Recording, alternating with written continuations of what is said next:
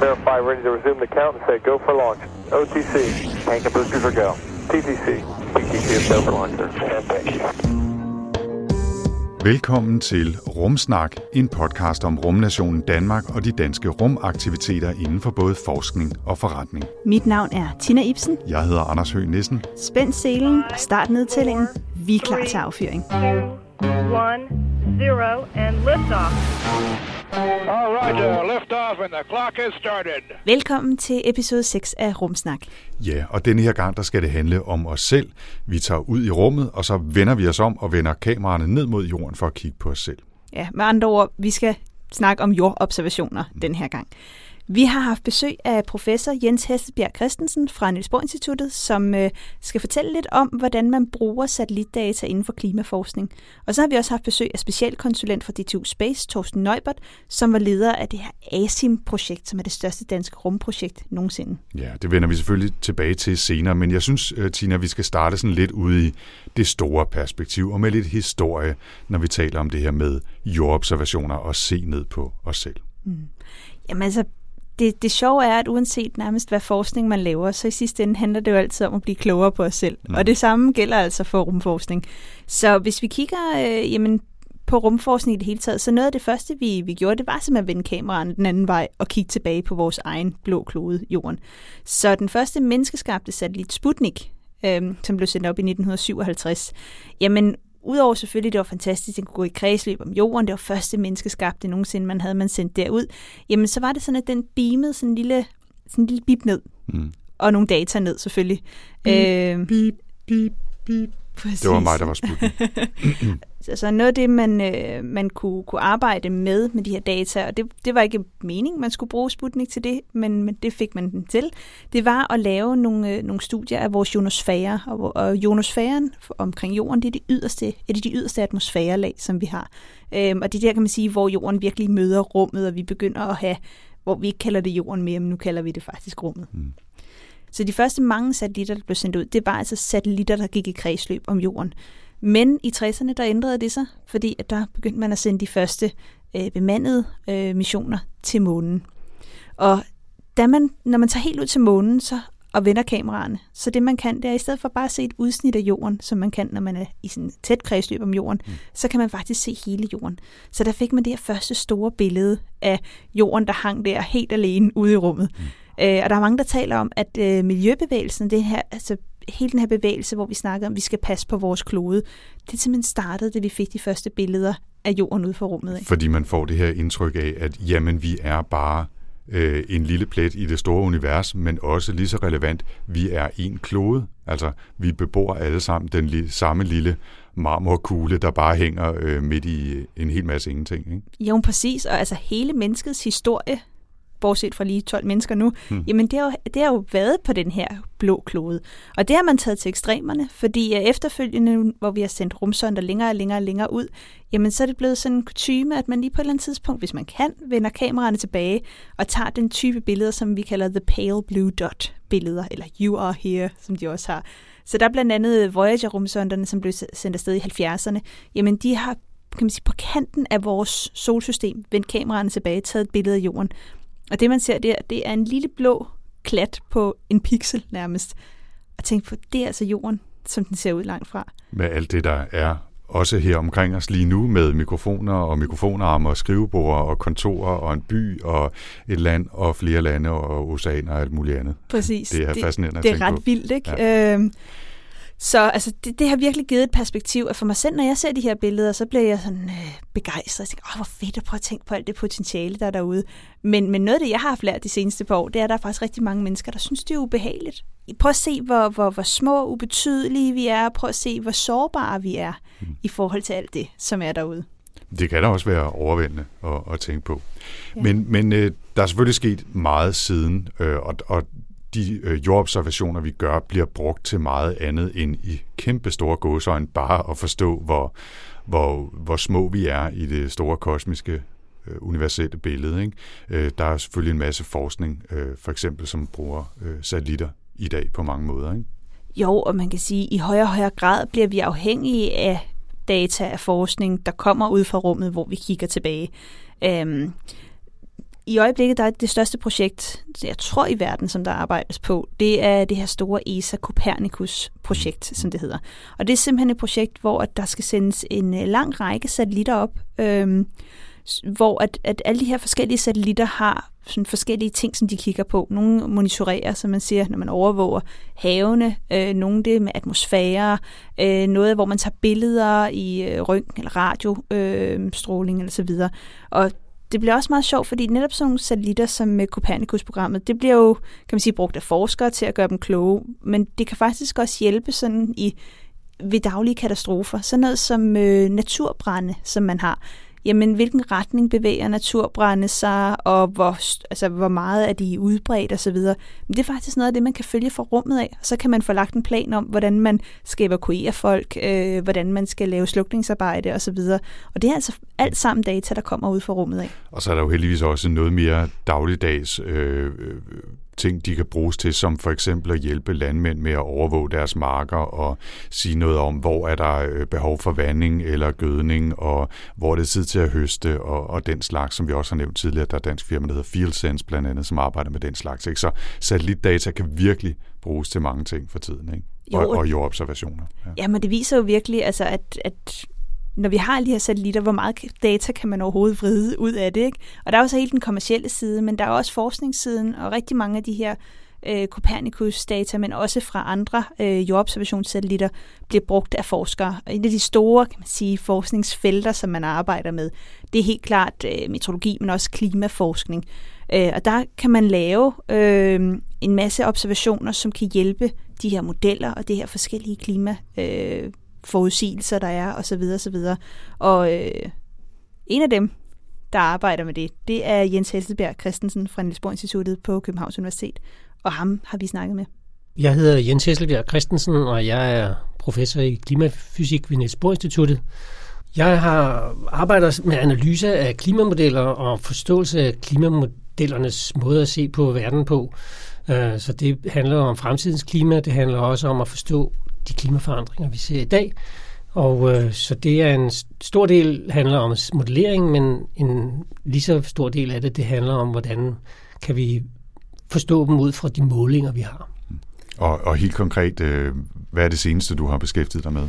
Ja, det allerseneste, jeg har lavet i, i den her sammenhæng, det er faktisk, at jeg lige netop har udgivet en, et, en artikel sammen med en kollega, med to kollegaer fra Borinstituttet, som handler om, om ændringer i øh, der hedder hurricanes, eller tropiske orkaner, som rammer USA. Og øh, alle kender som værende meget, meget ødelæggende. Øh, Jens, nu handler det her afsnit om øh, jordobservationer fra rummet af. Øh, er det noget, du har brugt i din øh, forskning, og hvordan bruger man egentlig sådan nogle øh, satellitdata i, i klimaforskning?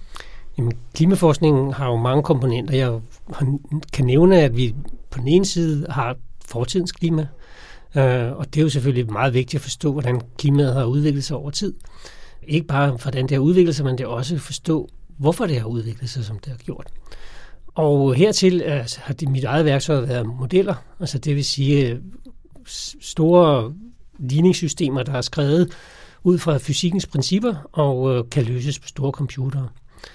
Og der kan man så sige, at øh, det kan man have en hel liv med kun at kigge på sin modelverden. Og mm. det er der også rigtig mange af os, der gør.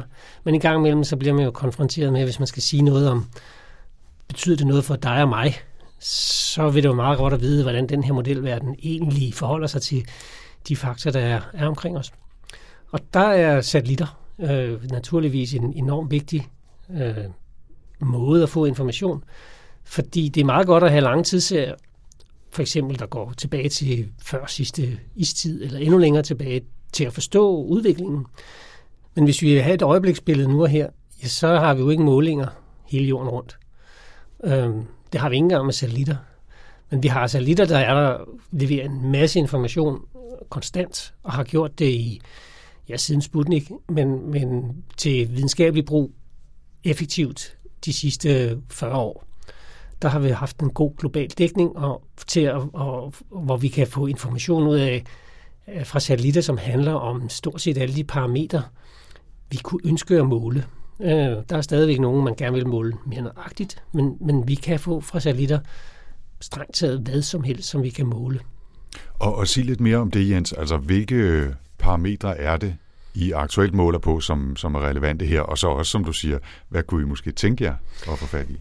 Ja, man kan sige, at, at øh, i, i forbindelse med klimamodellerne, så er det vigtigste af den slags målinger, man gerne vil have, det er, at man jo gerne vil have godt dækning, sådan som man kan sige, at vi kan sige noget alle steder, især de steder, hvor man måske ikke løbende har instrumenter stående at måle. Øh, og det, det, vi tager et eksempel, som er noget af det, jeg beskæftiger mig en del med, det er jo Arktis og, og, og Grønland. Og der kan man sige, at i, i de senere år er der blevet rigtig god øh, fremskridt i at forstå de målinger, man laver, som handler for eksempel at estimere, hvad overfladetemperaturen er.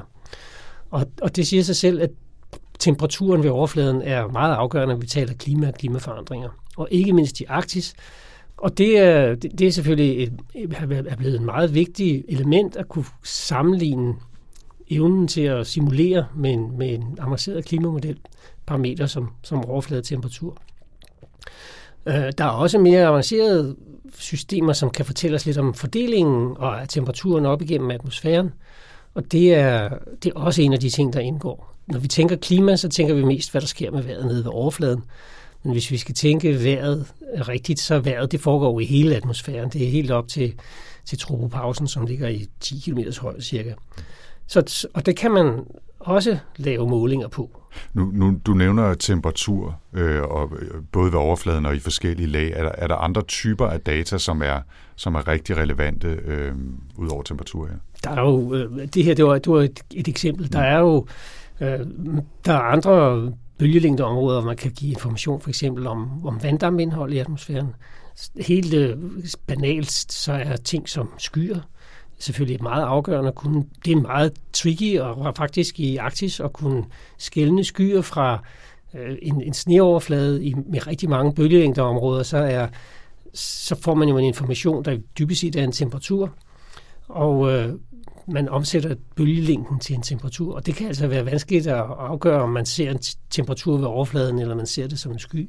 Så det skal kombineres lidt, og hertil kommer, at, at skyer i Arktis er meget komplekse, som det egentlig er en sky, det er en anden historie. Hele monitoreringsdelen har jo også skiftet øh, gear. Altså vi tager sådan noget som for eksempel vandstand. Så, så havde vi jo for 30 år siden kun godsøjne målinger fra, fra, fra sådan nogle øh, vandmålere eller vandstandsmålere, der står i, på rundt, verden rundt i havne. Øhm, så har vi fået efterfølgende satellitter, som meget nøjagtigt kan bestemme, om det sted, hvor den her øh, står, om det hæver sig eller sænker sig, det er jo selvfølgelig ekstremt afgørende for, når vi måler vandstand, for det er jo relativt. Og samtidig med, så har vi jo altså, øh, målinger, der nu kan sige, også ude i det åbne vand, hvad sker der med, med vandstanden? Det kan man sige, det, det er jo lige meget, om det står højt eller lavt. Nej, det er det ikke, fordi det, det er jo sådan noget, der efterviser, om vi har forstået processen rigtigt med, at hvorfor udvider havet sig. Og det kan man sige, det, det, det er en af de meget vigtige bidrag, der kommer fra, fra jordovervågning. Og så var der det der med, at du måske havde nogle ønsker til typer af data eller instrumenter, du gerne ville øh, anvende også i den her sammenhæng. Jamen det, man kan sige, man i, i Arktis gerne vil og kunne, det er jo, at man står nøjagtighed at måle for eksempel tykkelsen af is, øh, hvor meget sne, der ligger oven på isen. Øh, og det gælder faktisk også, hvis man bevæger os ind på indlandsisen, så er nogle af begrænsningerne, som vi kender det i dag, det ligger i, at at øh, de signaler, man måtte få fra overfladen, altså passivt, de, øh, de siger ikke nødvendigvis noget om lige præcis overfladen. Det er sådan en, et integral over nogle centimeter til meter ned. Øhm, der findes også øh, sådan aktive systemer, hvor man for eksempel for satellitten kan, kan sende øh, en eller anden bølgelængde ned mod overfladen, når man får, får så får et refleksionssignal. Det er straks bedre til nogle af de her ting, for eksempel det her med istykkelse. Og, og der øh, ligger muligheder i at, at, at, raffinere metoderne, så det kunne være rigtig, rigtig vigtigt, mens vi stadigvæk har data at måle på. Fordi det her, det her, der var ting, man kunne have gjort meget, man kunne have lært rigtig meget af, hvis vi havde haft de rigtige målinger for, for 20 år siden. Øh, I dag er der ikke så meget tyk is i Arktis, så, så noget af det, man behøver måske ikke engang at måle det mere, men ikke desto mindre ville det være rigtigt at og det vil, det vil fortælle rigtig meget som, om de flukse, der er ved overfladen, hvis vi skulle gøre det. Så det, du i virkeligheden ønsker dig allermest, det er en tidsmaskine? En tidsmaskine vil være rigtig godt, ja. ja, ja. Så når vi så, så snakker om det her, det her data, og det her data, der kommer fra, fra satellitterne, hvordan uh, bruger du det? Altså nu laver du meget de her uh, simuleringer og computermodeller. Hvordan sammenligner du det med det data, du så får ind sådan helt lavpraktisk? Sådan helt lavpraktisk, så er, bruger jeg jo faktisk ikke selv satellitternes information. Jeg bruger jo data, som, hvor satellitdataene allerede er processeret.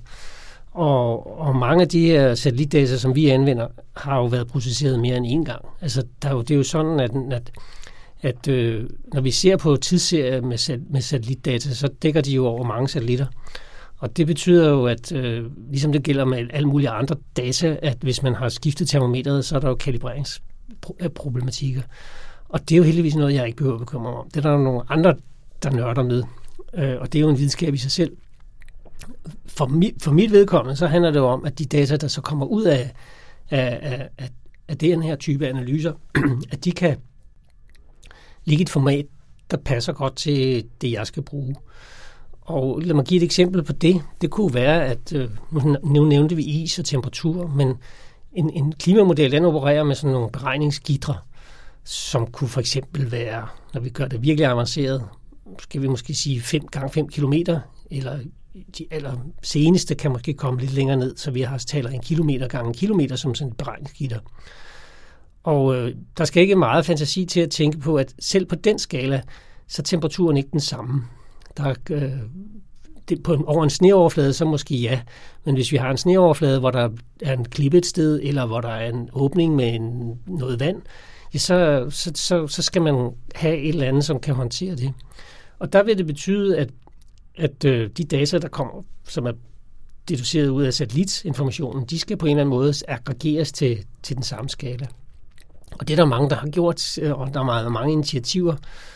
Og i begyndelsen så lå tingene på en opløsning, som var meget grov, altså 100 km. Det, var, det skyldes oprindeligt, at man ikke kunne huse dataene. Sidenhen er, at i dag er også i, i modelverdenen, der er den største problematik, det er stadigvæk mængden af data.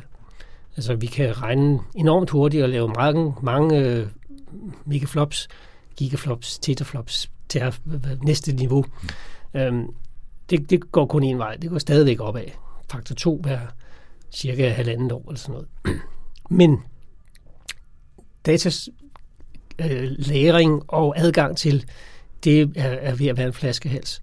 Satellitobservationer er en ting, og, og det kan være have stor værdi at give, at give en masse data, men det kan faktisk også være en udfordring, at det giver for mange data, så der ligger et helt stort arbejde, hvis jeg ellers har forstået dig øh, korrekt, i at behandle de data i en første runde, og så gøre det tilgængeligt for sådan nogen som dig, som så kan bruge det mere direkte i, øh, i modeller eller simulationer osv. Ikke? Lige præcis. Altså det er, det er på at kunne kommunikere på tværs af, af platformer og forståelsen for, hvad det er, man ser, den, den er meget vigtig. Så, så der kan man sige, at det, det er simpelthen et krydsfelt af, hvor, hvor, meget, hvor meget brug kan vi gøre af de her data. Nu har du jo, øh, Jens, været med et stykke tid, det må jeg gerne sige. Ikke? Øhm, hvis du sådan skulle øh, tage de lidt større linjer, altså i, i hvor høj grad har og hvordan har jordobservationer med, med, med satellitter øh, typisk influeret på dit arbejde? Altså, hvor stor betydning har det haft, og hvordan? Altså man kan sige, at, at øh, det vigtigste element i det, det er jo, at, at når der er gået nogle år, og man har en tidsserie, så begynder det pludselig at være en, en ægte observation.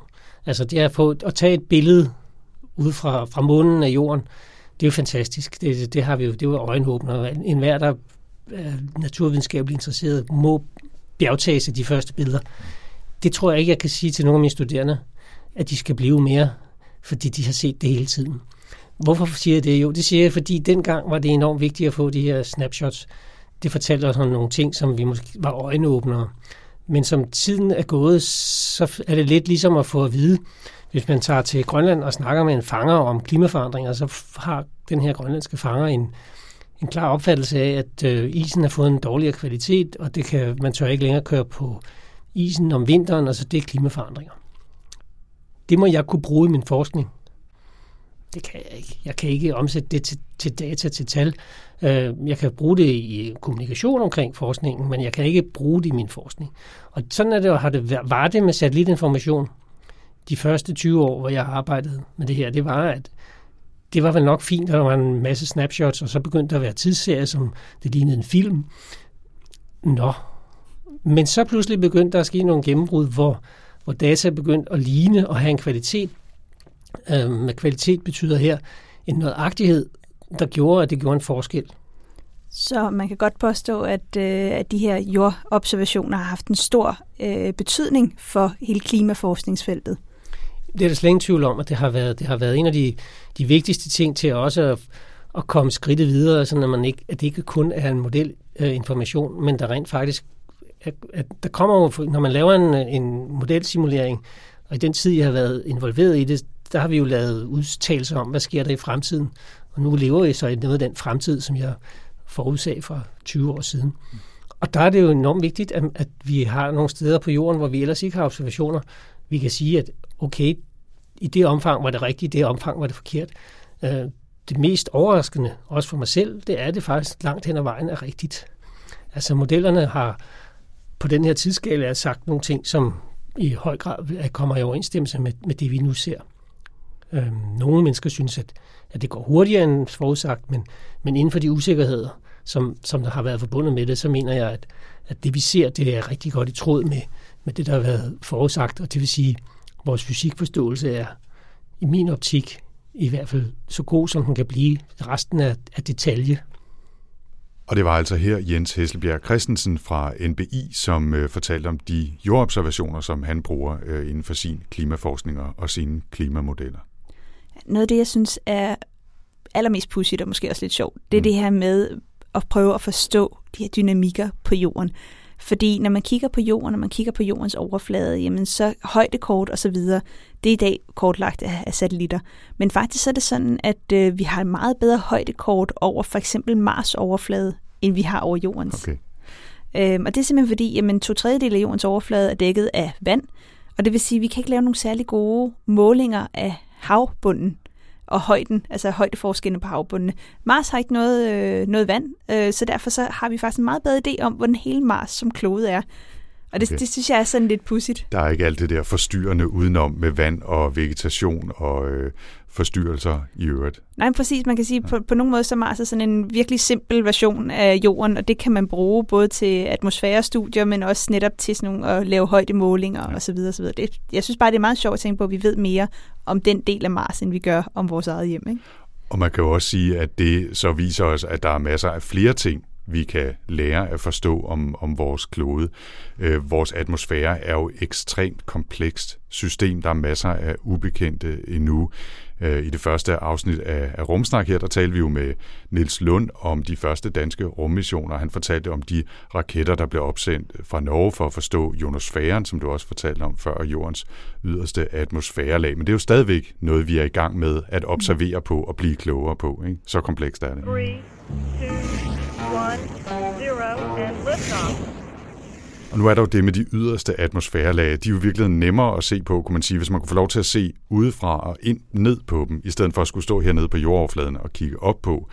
Og i en anden episode af Rumsnak, der talte vi jo med den danske astronaut Andreas Mogensen, som var på en 10-dages mission på den internationale rumstation i 2015. Og præcis en af hans opgaver var jo faktisk at prøve at tage billeder ned på atmosfæren, mere specifikt på, på tordenskyer set oppefra, for at prøve at tage billeder af nogle lynfænomener, blandt andet, som man øh, havde observeret der, men ikke rigtig havde gode observationer af.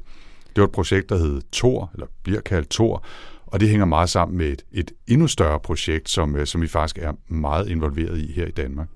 Det var virkelig sjovt der i 2015 at se de her billeder, som øh, Andreas Mogensen han tog op fra den internationale rumstation. Fordi forskerne på DTU var meget, øh, meget spændte på, om, om han faktisk fik noget med hjem. Fordi det var forgængeren til det her store projekt, som de har, der hedder ASIM-projektet.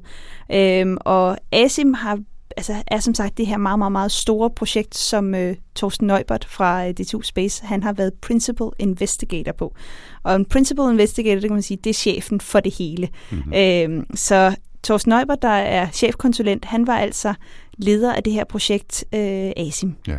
Vi besøgte Torsten på hans kontor på DTU Space i Lyngby, hvor, hvor der jo også er rentrumslaboratorier lige ved siden af, hvor udstyr til rummissionerne bliver udviklet. Det er jo i sig selv spændende nok, når man står og venter på at skulle øh, snakke med Torsten, og så kan man gå og glo ind i laboratorierne. Ikke? Mm, bestemt. Men, men altså, så er jo, gror træerne jo heller ikke mere ind i himlen, end at da vi talte med Torsten og sad og interviewede ham på hans kontor, der øh, fandt vi ud af, at DTU Space er designet sådan, at øh, alle kontorer har vinduer, som åbner og lukker automatisk for at lukke frisk luft ind, og det sker meget larmende, når man sidder der med mikrofoner og prøver at optage, og forskerne kan overhovedet ikke selv styre det. De har ingen indflydelse på det her øh, såkaldt intelligente øh, klimasystem øh, i, i bygningen. Så det kan altså høres øh, i løbet af vores snak her med Torsten Neubert. Jeg hedder Torsten Neubert, jeg er specialkonsulent på DTU Space, og øh, vi har øh, satellitter i rummet og kigger ud af mod stjernerne og nedad mod jorden og, og sådan den slags. Ja. Ja, Thorsten, nu øh, det sidste store projekt, du har arbejdet på, det er det her ASIM-projektet. Vil du fortælle lidt om, øh, hvad det projekt er? ASIM, det er Atmosphere Space Interactions Monitor, og det er selvfølgelig et mærkeligt navn. Og jeg kan godt fortælle lidt om, hvordan, hvordan vi kom på det navn. Det er fordi, at øh, vi gerne vil se på ting, der foregår op over tordenskyer, højt op i atmosfæren, helt op til 100 km, hvor vi har, hvor vi har ionosfæren. Og det er sådan set der, at rummet begynder, tænker vi i hvert fald.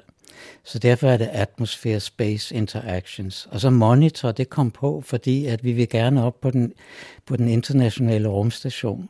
Og da vi foreslog eksperimentet, så var det ligesom nemmere, tænkte vi, at komme på, hvis vi ligesom har en monitor, i stedet for at have et eller andet dyrt lydende videnskabeligt instrument. Så, så derfor kaldte vi det monitor. Den har vi arbejdet på i mange år, kom så op i, øh, i april øh, sidste år, og sidder nu på rumstationen og tager en masse data af tordenvejr. Og sådan et projekt som, som ASIM, altså hvordan starter sådan et, hvor, hvordan får man ideen, og hvordan går man fra idé og så til faktisk at have et instrument på den internationale rumstation? Nogle gange er det jo tilfældigheder, der gør, at man kommer ind på det spor, man, man kommer ind på. Øhm, jeg var på et tidspunkt øh, ansat på et universitet i Amerika, og øh, så var der en øh, student på et andet universitet, som så offentliggjorde en artikel. Det var nogle billeder, han havde taget af, hvad der foregår over torden, en tordenstorm. Der kom et kæmpemæssigt uh, lyn, kan man kalde det, højt, højt op over tordenværet. Jeg skrev en artikel om den, og den kom ud i 1990, og der var jeg så i Amerika, og jeg tænkte, det var da, det var da pokkers, at, at der er noget helt nyt i vores omgivelser, som ingen anede var der. Og så da jeg kom tilbage til Danmark, så kom jeg tilbage til øh, Danmarks Meteorologiske Institut, hvor dengang det Danmarks første satellit Ørsted var lokaliseret på DMI. Og så tænkte jeg, at nu skal vi finde på noget godt at lave efter Ørsted. Og så tænkte jeg, jamen altså det her med, med de her tordenvejr og alle de der spændende ting, der foregår op over, altså passer det egentlig ikke meget godt på DMI egentlig? Og, og i den mellemliggende tid af, af den her student her i 90'erne, der havde skrevet sine ting, så kom der jo nye opdagelser til. Blandt andet det, som man kaldte en terrestrial gamma ray flash. Og navnet, det har den fået, fordi at den blev observeret af en astronomisk satellit.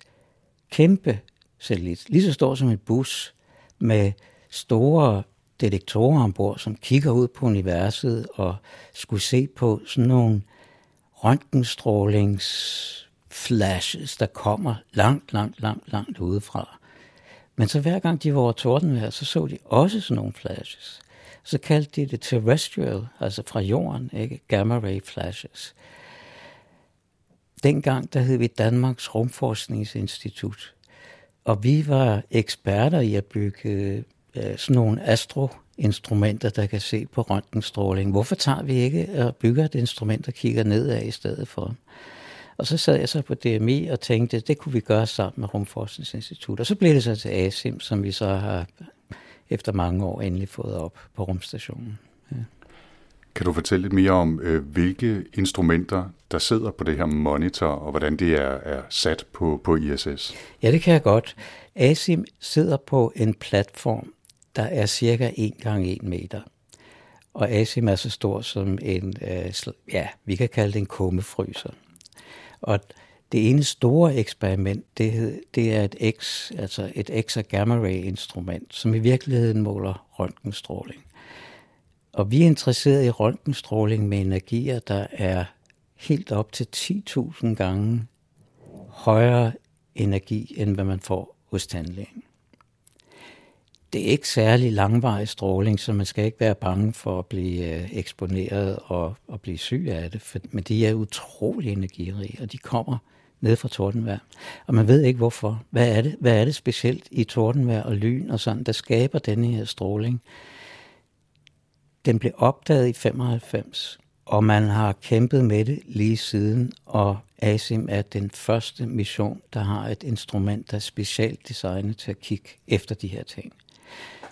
Så det er den ene øh, instrumentpakke, kan man sige. Den anden, det er et antal optiske sensorer. Det er nogle fotometre. Altså det er sådan nogle, man har på kameraerne, der, der fortæller, hvor meget lys er der. De tager ikke billeder, men de siger, hvor meget lys er der. Så dem har vi tre af, og så har vi to kameraer. Øhm, og kameraer og fotometre ser i forskellige, meget, meget smalle bånd, som siger noget om den fysik, der foregår i de her gamma ray flashes og lyn, og de her lyn højt op over tordenskyen.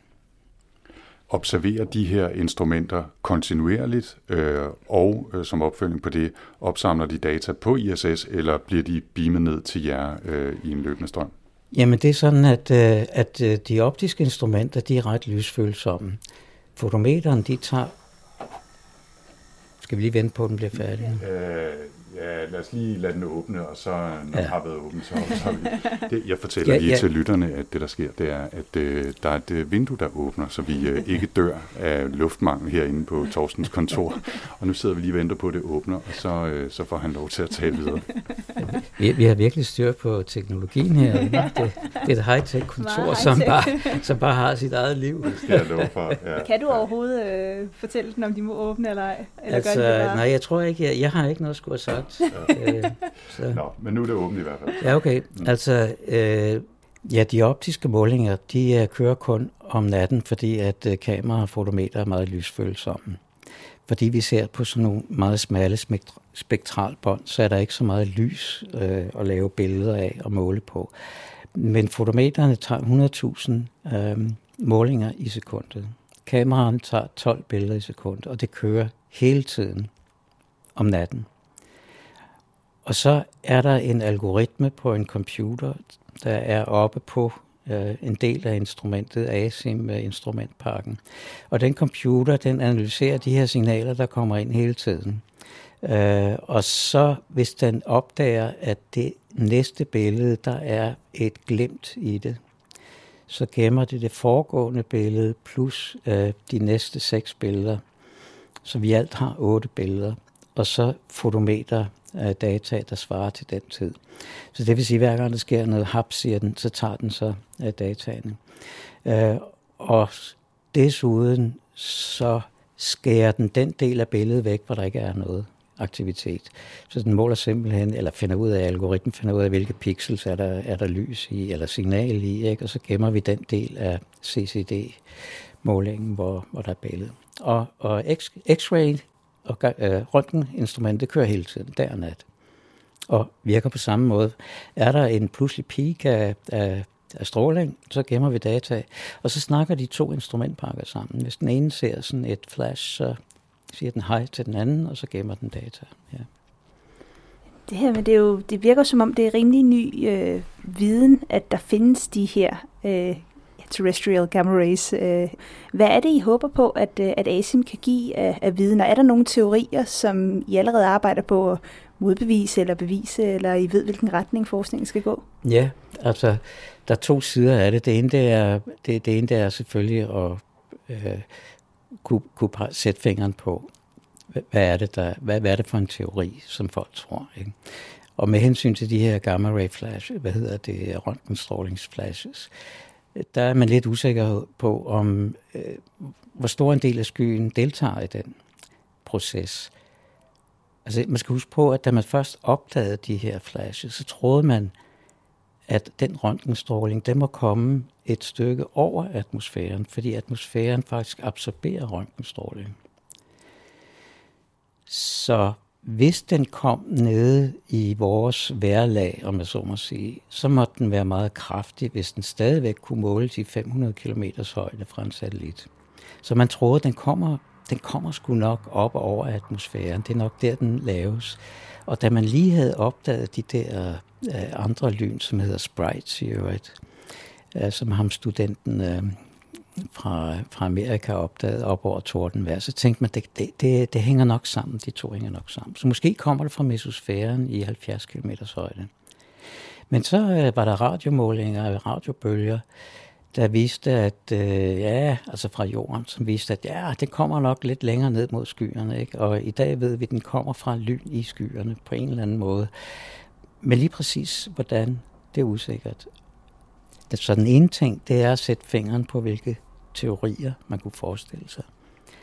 Det andet er jo, at man vil da også gerne opdage noget nyt. Og det er heldigvis sådan, at når vi designer et instrument, så skal vi jo fortælle dem, der betaler for det, og vi skal fortælle ingeniørerne, hvad er det, du vil måle? Hvordan ser det ud? Øh, hvor sensitiv skal dit kamera være? Ikke? Hvor følsomt skal det være? Hvor mange data kommer der ned? Der er alle mulige ting, du skal vise omkring det, du vil måle. Og så kommer du op, og så måler du noget helt andet også. Ikke også? Så, så noget af det første, vi kommer til at skrive om, øh, det er, det er en, en ny opdagelse, som kommer ud her i næste måned, som jeg desværre ikke kan fortælle jer om nu. Men, øh, Uh, det er spændende. ja, det er spændende. ja. Ja, ja vi, den her episode kommer jo desværre på mandag, så jeg kan ikke ja. uh, lokke noget ud af dig. Nej, nej. nej, nej altså det er, eller, ellers vil jeg meget gerne fortælle om det, men det kan være, at I kan besøge mig igen. Vi, uh, vi følger med i litteraturen, og ja, så kan det være, at vi i sæson 2 vender tilbage. Ja, mm. ja. Øhm, hvis man ser på de observationer, I gør, så er det jo, som du også siger, noget af det øh, nyt, for, for videnskaben, altså hvor man stadigvæk søger nogle rimelig grundlæggende forklaringer på de fænomener, man observerer. Har de her resultater også betydning i en, altså en anden sammenhæng i forhold til vores forståelse af klimaet eller andre fænomener i atmosfæren? Ja, der er, der er to aspekter af det, som, øh, som jeg synes er, er interessant, øh, som er mere sådan anvendelsesaspekter. Øh, det ene aspekt er, at vi ved ikke rigtigt, hvad der foregår inde i lyn. Så jeg, jeg sammenligner det med et anatomisk atlas. Jeg kan huske, da jeg var barn og øh, i sommerferien, øh, så var jeg oppe i sommerhus i Norge og ser på... Øh, gamle bøger og sådan, og så slår jeg op, og der er sådan en anatomisk atlas med nogle fantastiske farveplancher over, hvordan vi ser ud indeni. Ikke? Det er ligesom en julekalender, ikke? man kan åbne en låge, ikke? og så, så, så kommer man ind til brystkassen, og så kan man åbne en låge til, så, så ser man, hvordan lungerne ser ud, eller, eller der er en anden en, der viser hele blodsystemet, eller lymfer og sådan. Det var jeg meget fascineret af. Når vi ser på øh, røntgenflashes og så ser vi jo faktisk en del af lynet, man ikke har set før. Så det er en ene ting, man er interesseret i. Og den anden, det er, at øh, der er så kraftig konvektion i, i tordenskyer. Det, er det er jo en pumpe øh, fra, fra, fra lav højde til høj, høj, høj, højt op i atmosfæren. Pumper de vanddamp og iskrystaller og støv og jeg ved ikke hvad, højt op i atmosfæren. Jo højere op det kommer, jo længere bliver det, bliver det hængende, og jo længere kan det drive, og jo længere kan det påvirke øh, øh, strålingsbalancen for, for atmosfæren. Så både kemien og, og, og den mere sådan almindelige dynamik i tordenvejr har man været interesseret i og brugt mange penge på at forstå, men der er stadigvæk meget stor usikkerhed. Så det vi, øh, det vi tror, vi kan bidrage med, det er sådan set ikke revolutionerende nye forståelse omkring klimaet og Horsa. Øh, nu bliver alting bedre, fordi at nu har asimaet op. Men man skal huske på, at når man, når man ser forudsigelser af klimaet, så er der meget stor usikkerhed. Altså der er modeller, der siger, at vandstanden stiger to meter inden udgangen af dette århundrede. Og der er nogen, der siger, at den stiger en halv meter hvad, hvad skal man tro? Ikke? Altså, så skal vi bygge en metro, ikke? hvis vi nu bygger en metro efter en halv meter, og den stiger to meter, så, så er det ikke så godt, vel? Så det bliver faktisk en meget dyr oplevelse at bygge den der metro der.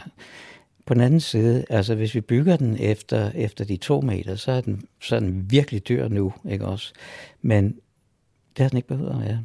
Så der er rigtig meget på spil med at få de der usikkerheder presset, presset ned og gjort så, så små som muligt.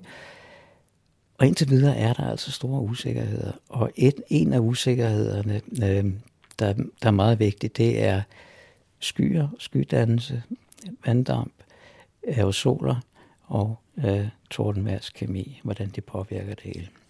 Så det er, det er man stadig meget interesseret i at prøve at gøre endnu bedre, end man kan nu. Der tror jeg, vi kan deltage lidt med det, fordi, fordi vi måler lyn på en anden måde.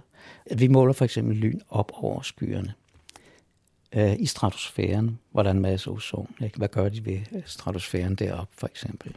Sådan nogle ting øh, kan vi kigge på. Ja. Og det var her Thorsten Neubert, som fortalte om ASI-missionen, som jo stadig er i fuld gang lige nu. Mm. Øh, og vi vil i hvert fald kigge efter den her artikel, som skulle udkomme i Science øh, i næste måned. Ja, det er jeg godt nok spændt på at se, hvad det er, når han ikke øh, vil fortælle os det, Ja, mens vi sad der. Mm. Men øh, altså satellitdata fra rummet, det kan give os et overblik over jorden som helhed. Mm. Øhm, men det er for, udover det, jamen, så er der rigtig mange virksomheder, der virkelig også har fået øjnene op for de her jordobservationer, som vi talte om tidligere, det her meget, meget store europæiske Copernicus-program. Og hvis man skulle sidde med en rigtig god idé derude, så er der godt nok også penge at hente til, hvis man har en øh, startup-idé til brug af de her jordobservationer, fordi både øh, EU, men også ESA og de danske ministerier, de har faktisk sat penge af til, at man kan starte sin egen virksomhed, hvor man bruger satellitter øh, og bruger data fra de her satellitter også. Jeg er sikker på, at Tina, hvis vi øh, lige lægger hovederne sammen, så kan vi godt finde på en god idé og lave en lille rumstartup. Ja, det, så skal den hedde så det, rumsnak, og så skal vi have rumstart op. Det er fint, det er en aftale. Det, det gør vi. Apropos det med satellitter, så lige til at afrunde her på bare et, øh, et fun fact eller to.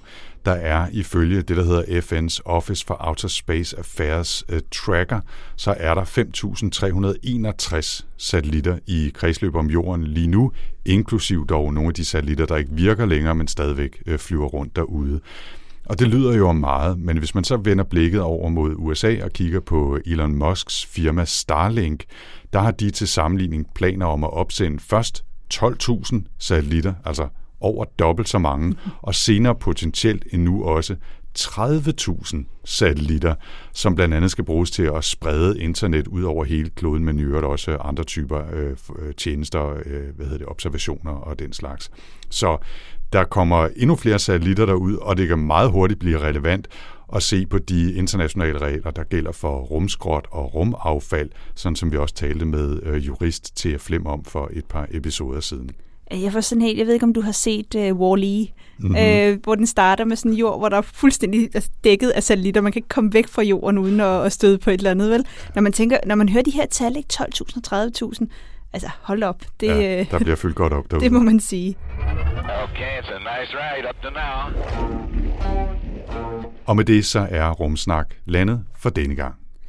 Næste episode glæder jeg mig helt vildt til. Der får du lov til at tale. Der får jeg virkelig lov til at tale, og jeg får lov til at nørde, fordi det skal nemlig handle om det emne inden for astronomi og rumfart, som jeg selv har specialiseret mig i, og det er nemlig rumvær og nordlys. Så vi kommer altså til at nørde igennem næste gang, Anders. Ja, jeg bliver simpelthen nødt til at sige, at uh, du nok skal få lov til at fortælle, men du skal også huske på, at uh, vores episoder typisk ligger der mellem 40 og 45 minutter, så der er trods alt grænser. Jamen, jeg er sikker på, at folk gerne vil have en dobbelt episode en gang imellem. Det vil de sikkert gerne, og vi håber i hvert fald, at I vil lytte med. Næste episode, hvor Tina får lov til at fortælle, er selvfølgelig især vigtig at lytte til. Hvis man gerne vil vide lidt mere om Rumsnak, så kan man gå ind på rumsnak.dk, eller man kan gå ind på vores Facebook-side, facebook.com rumsnak.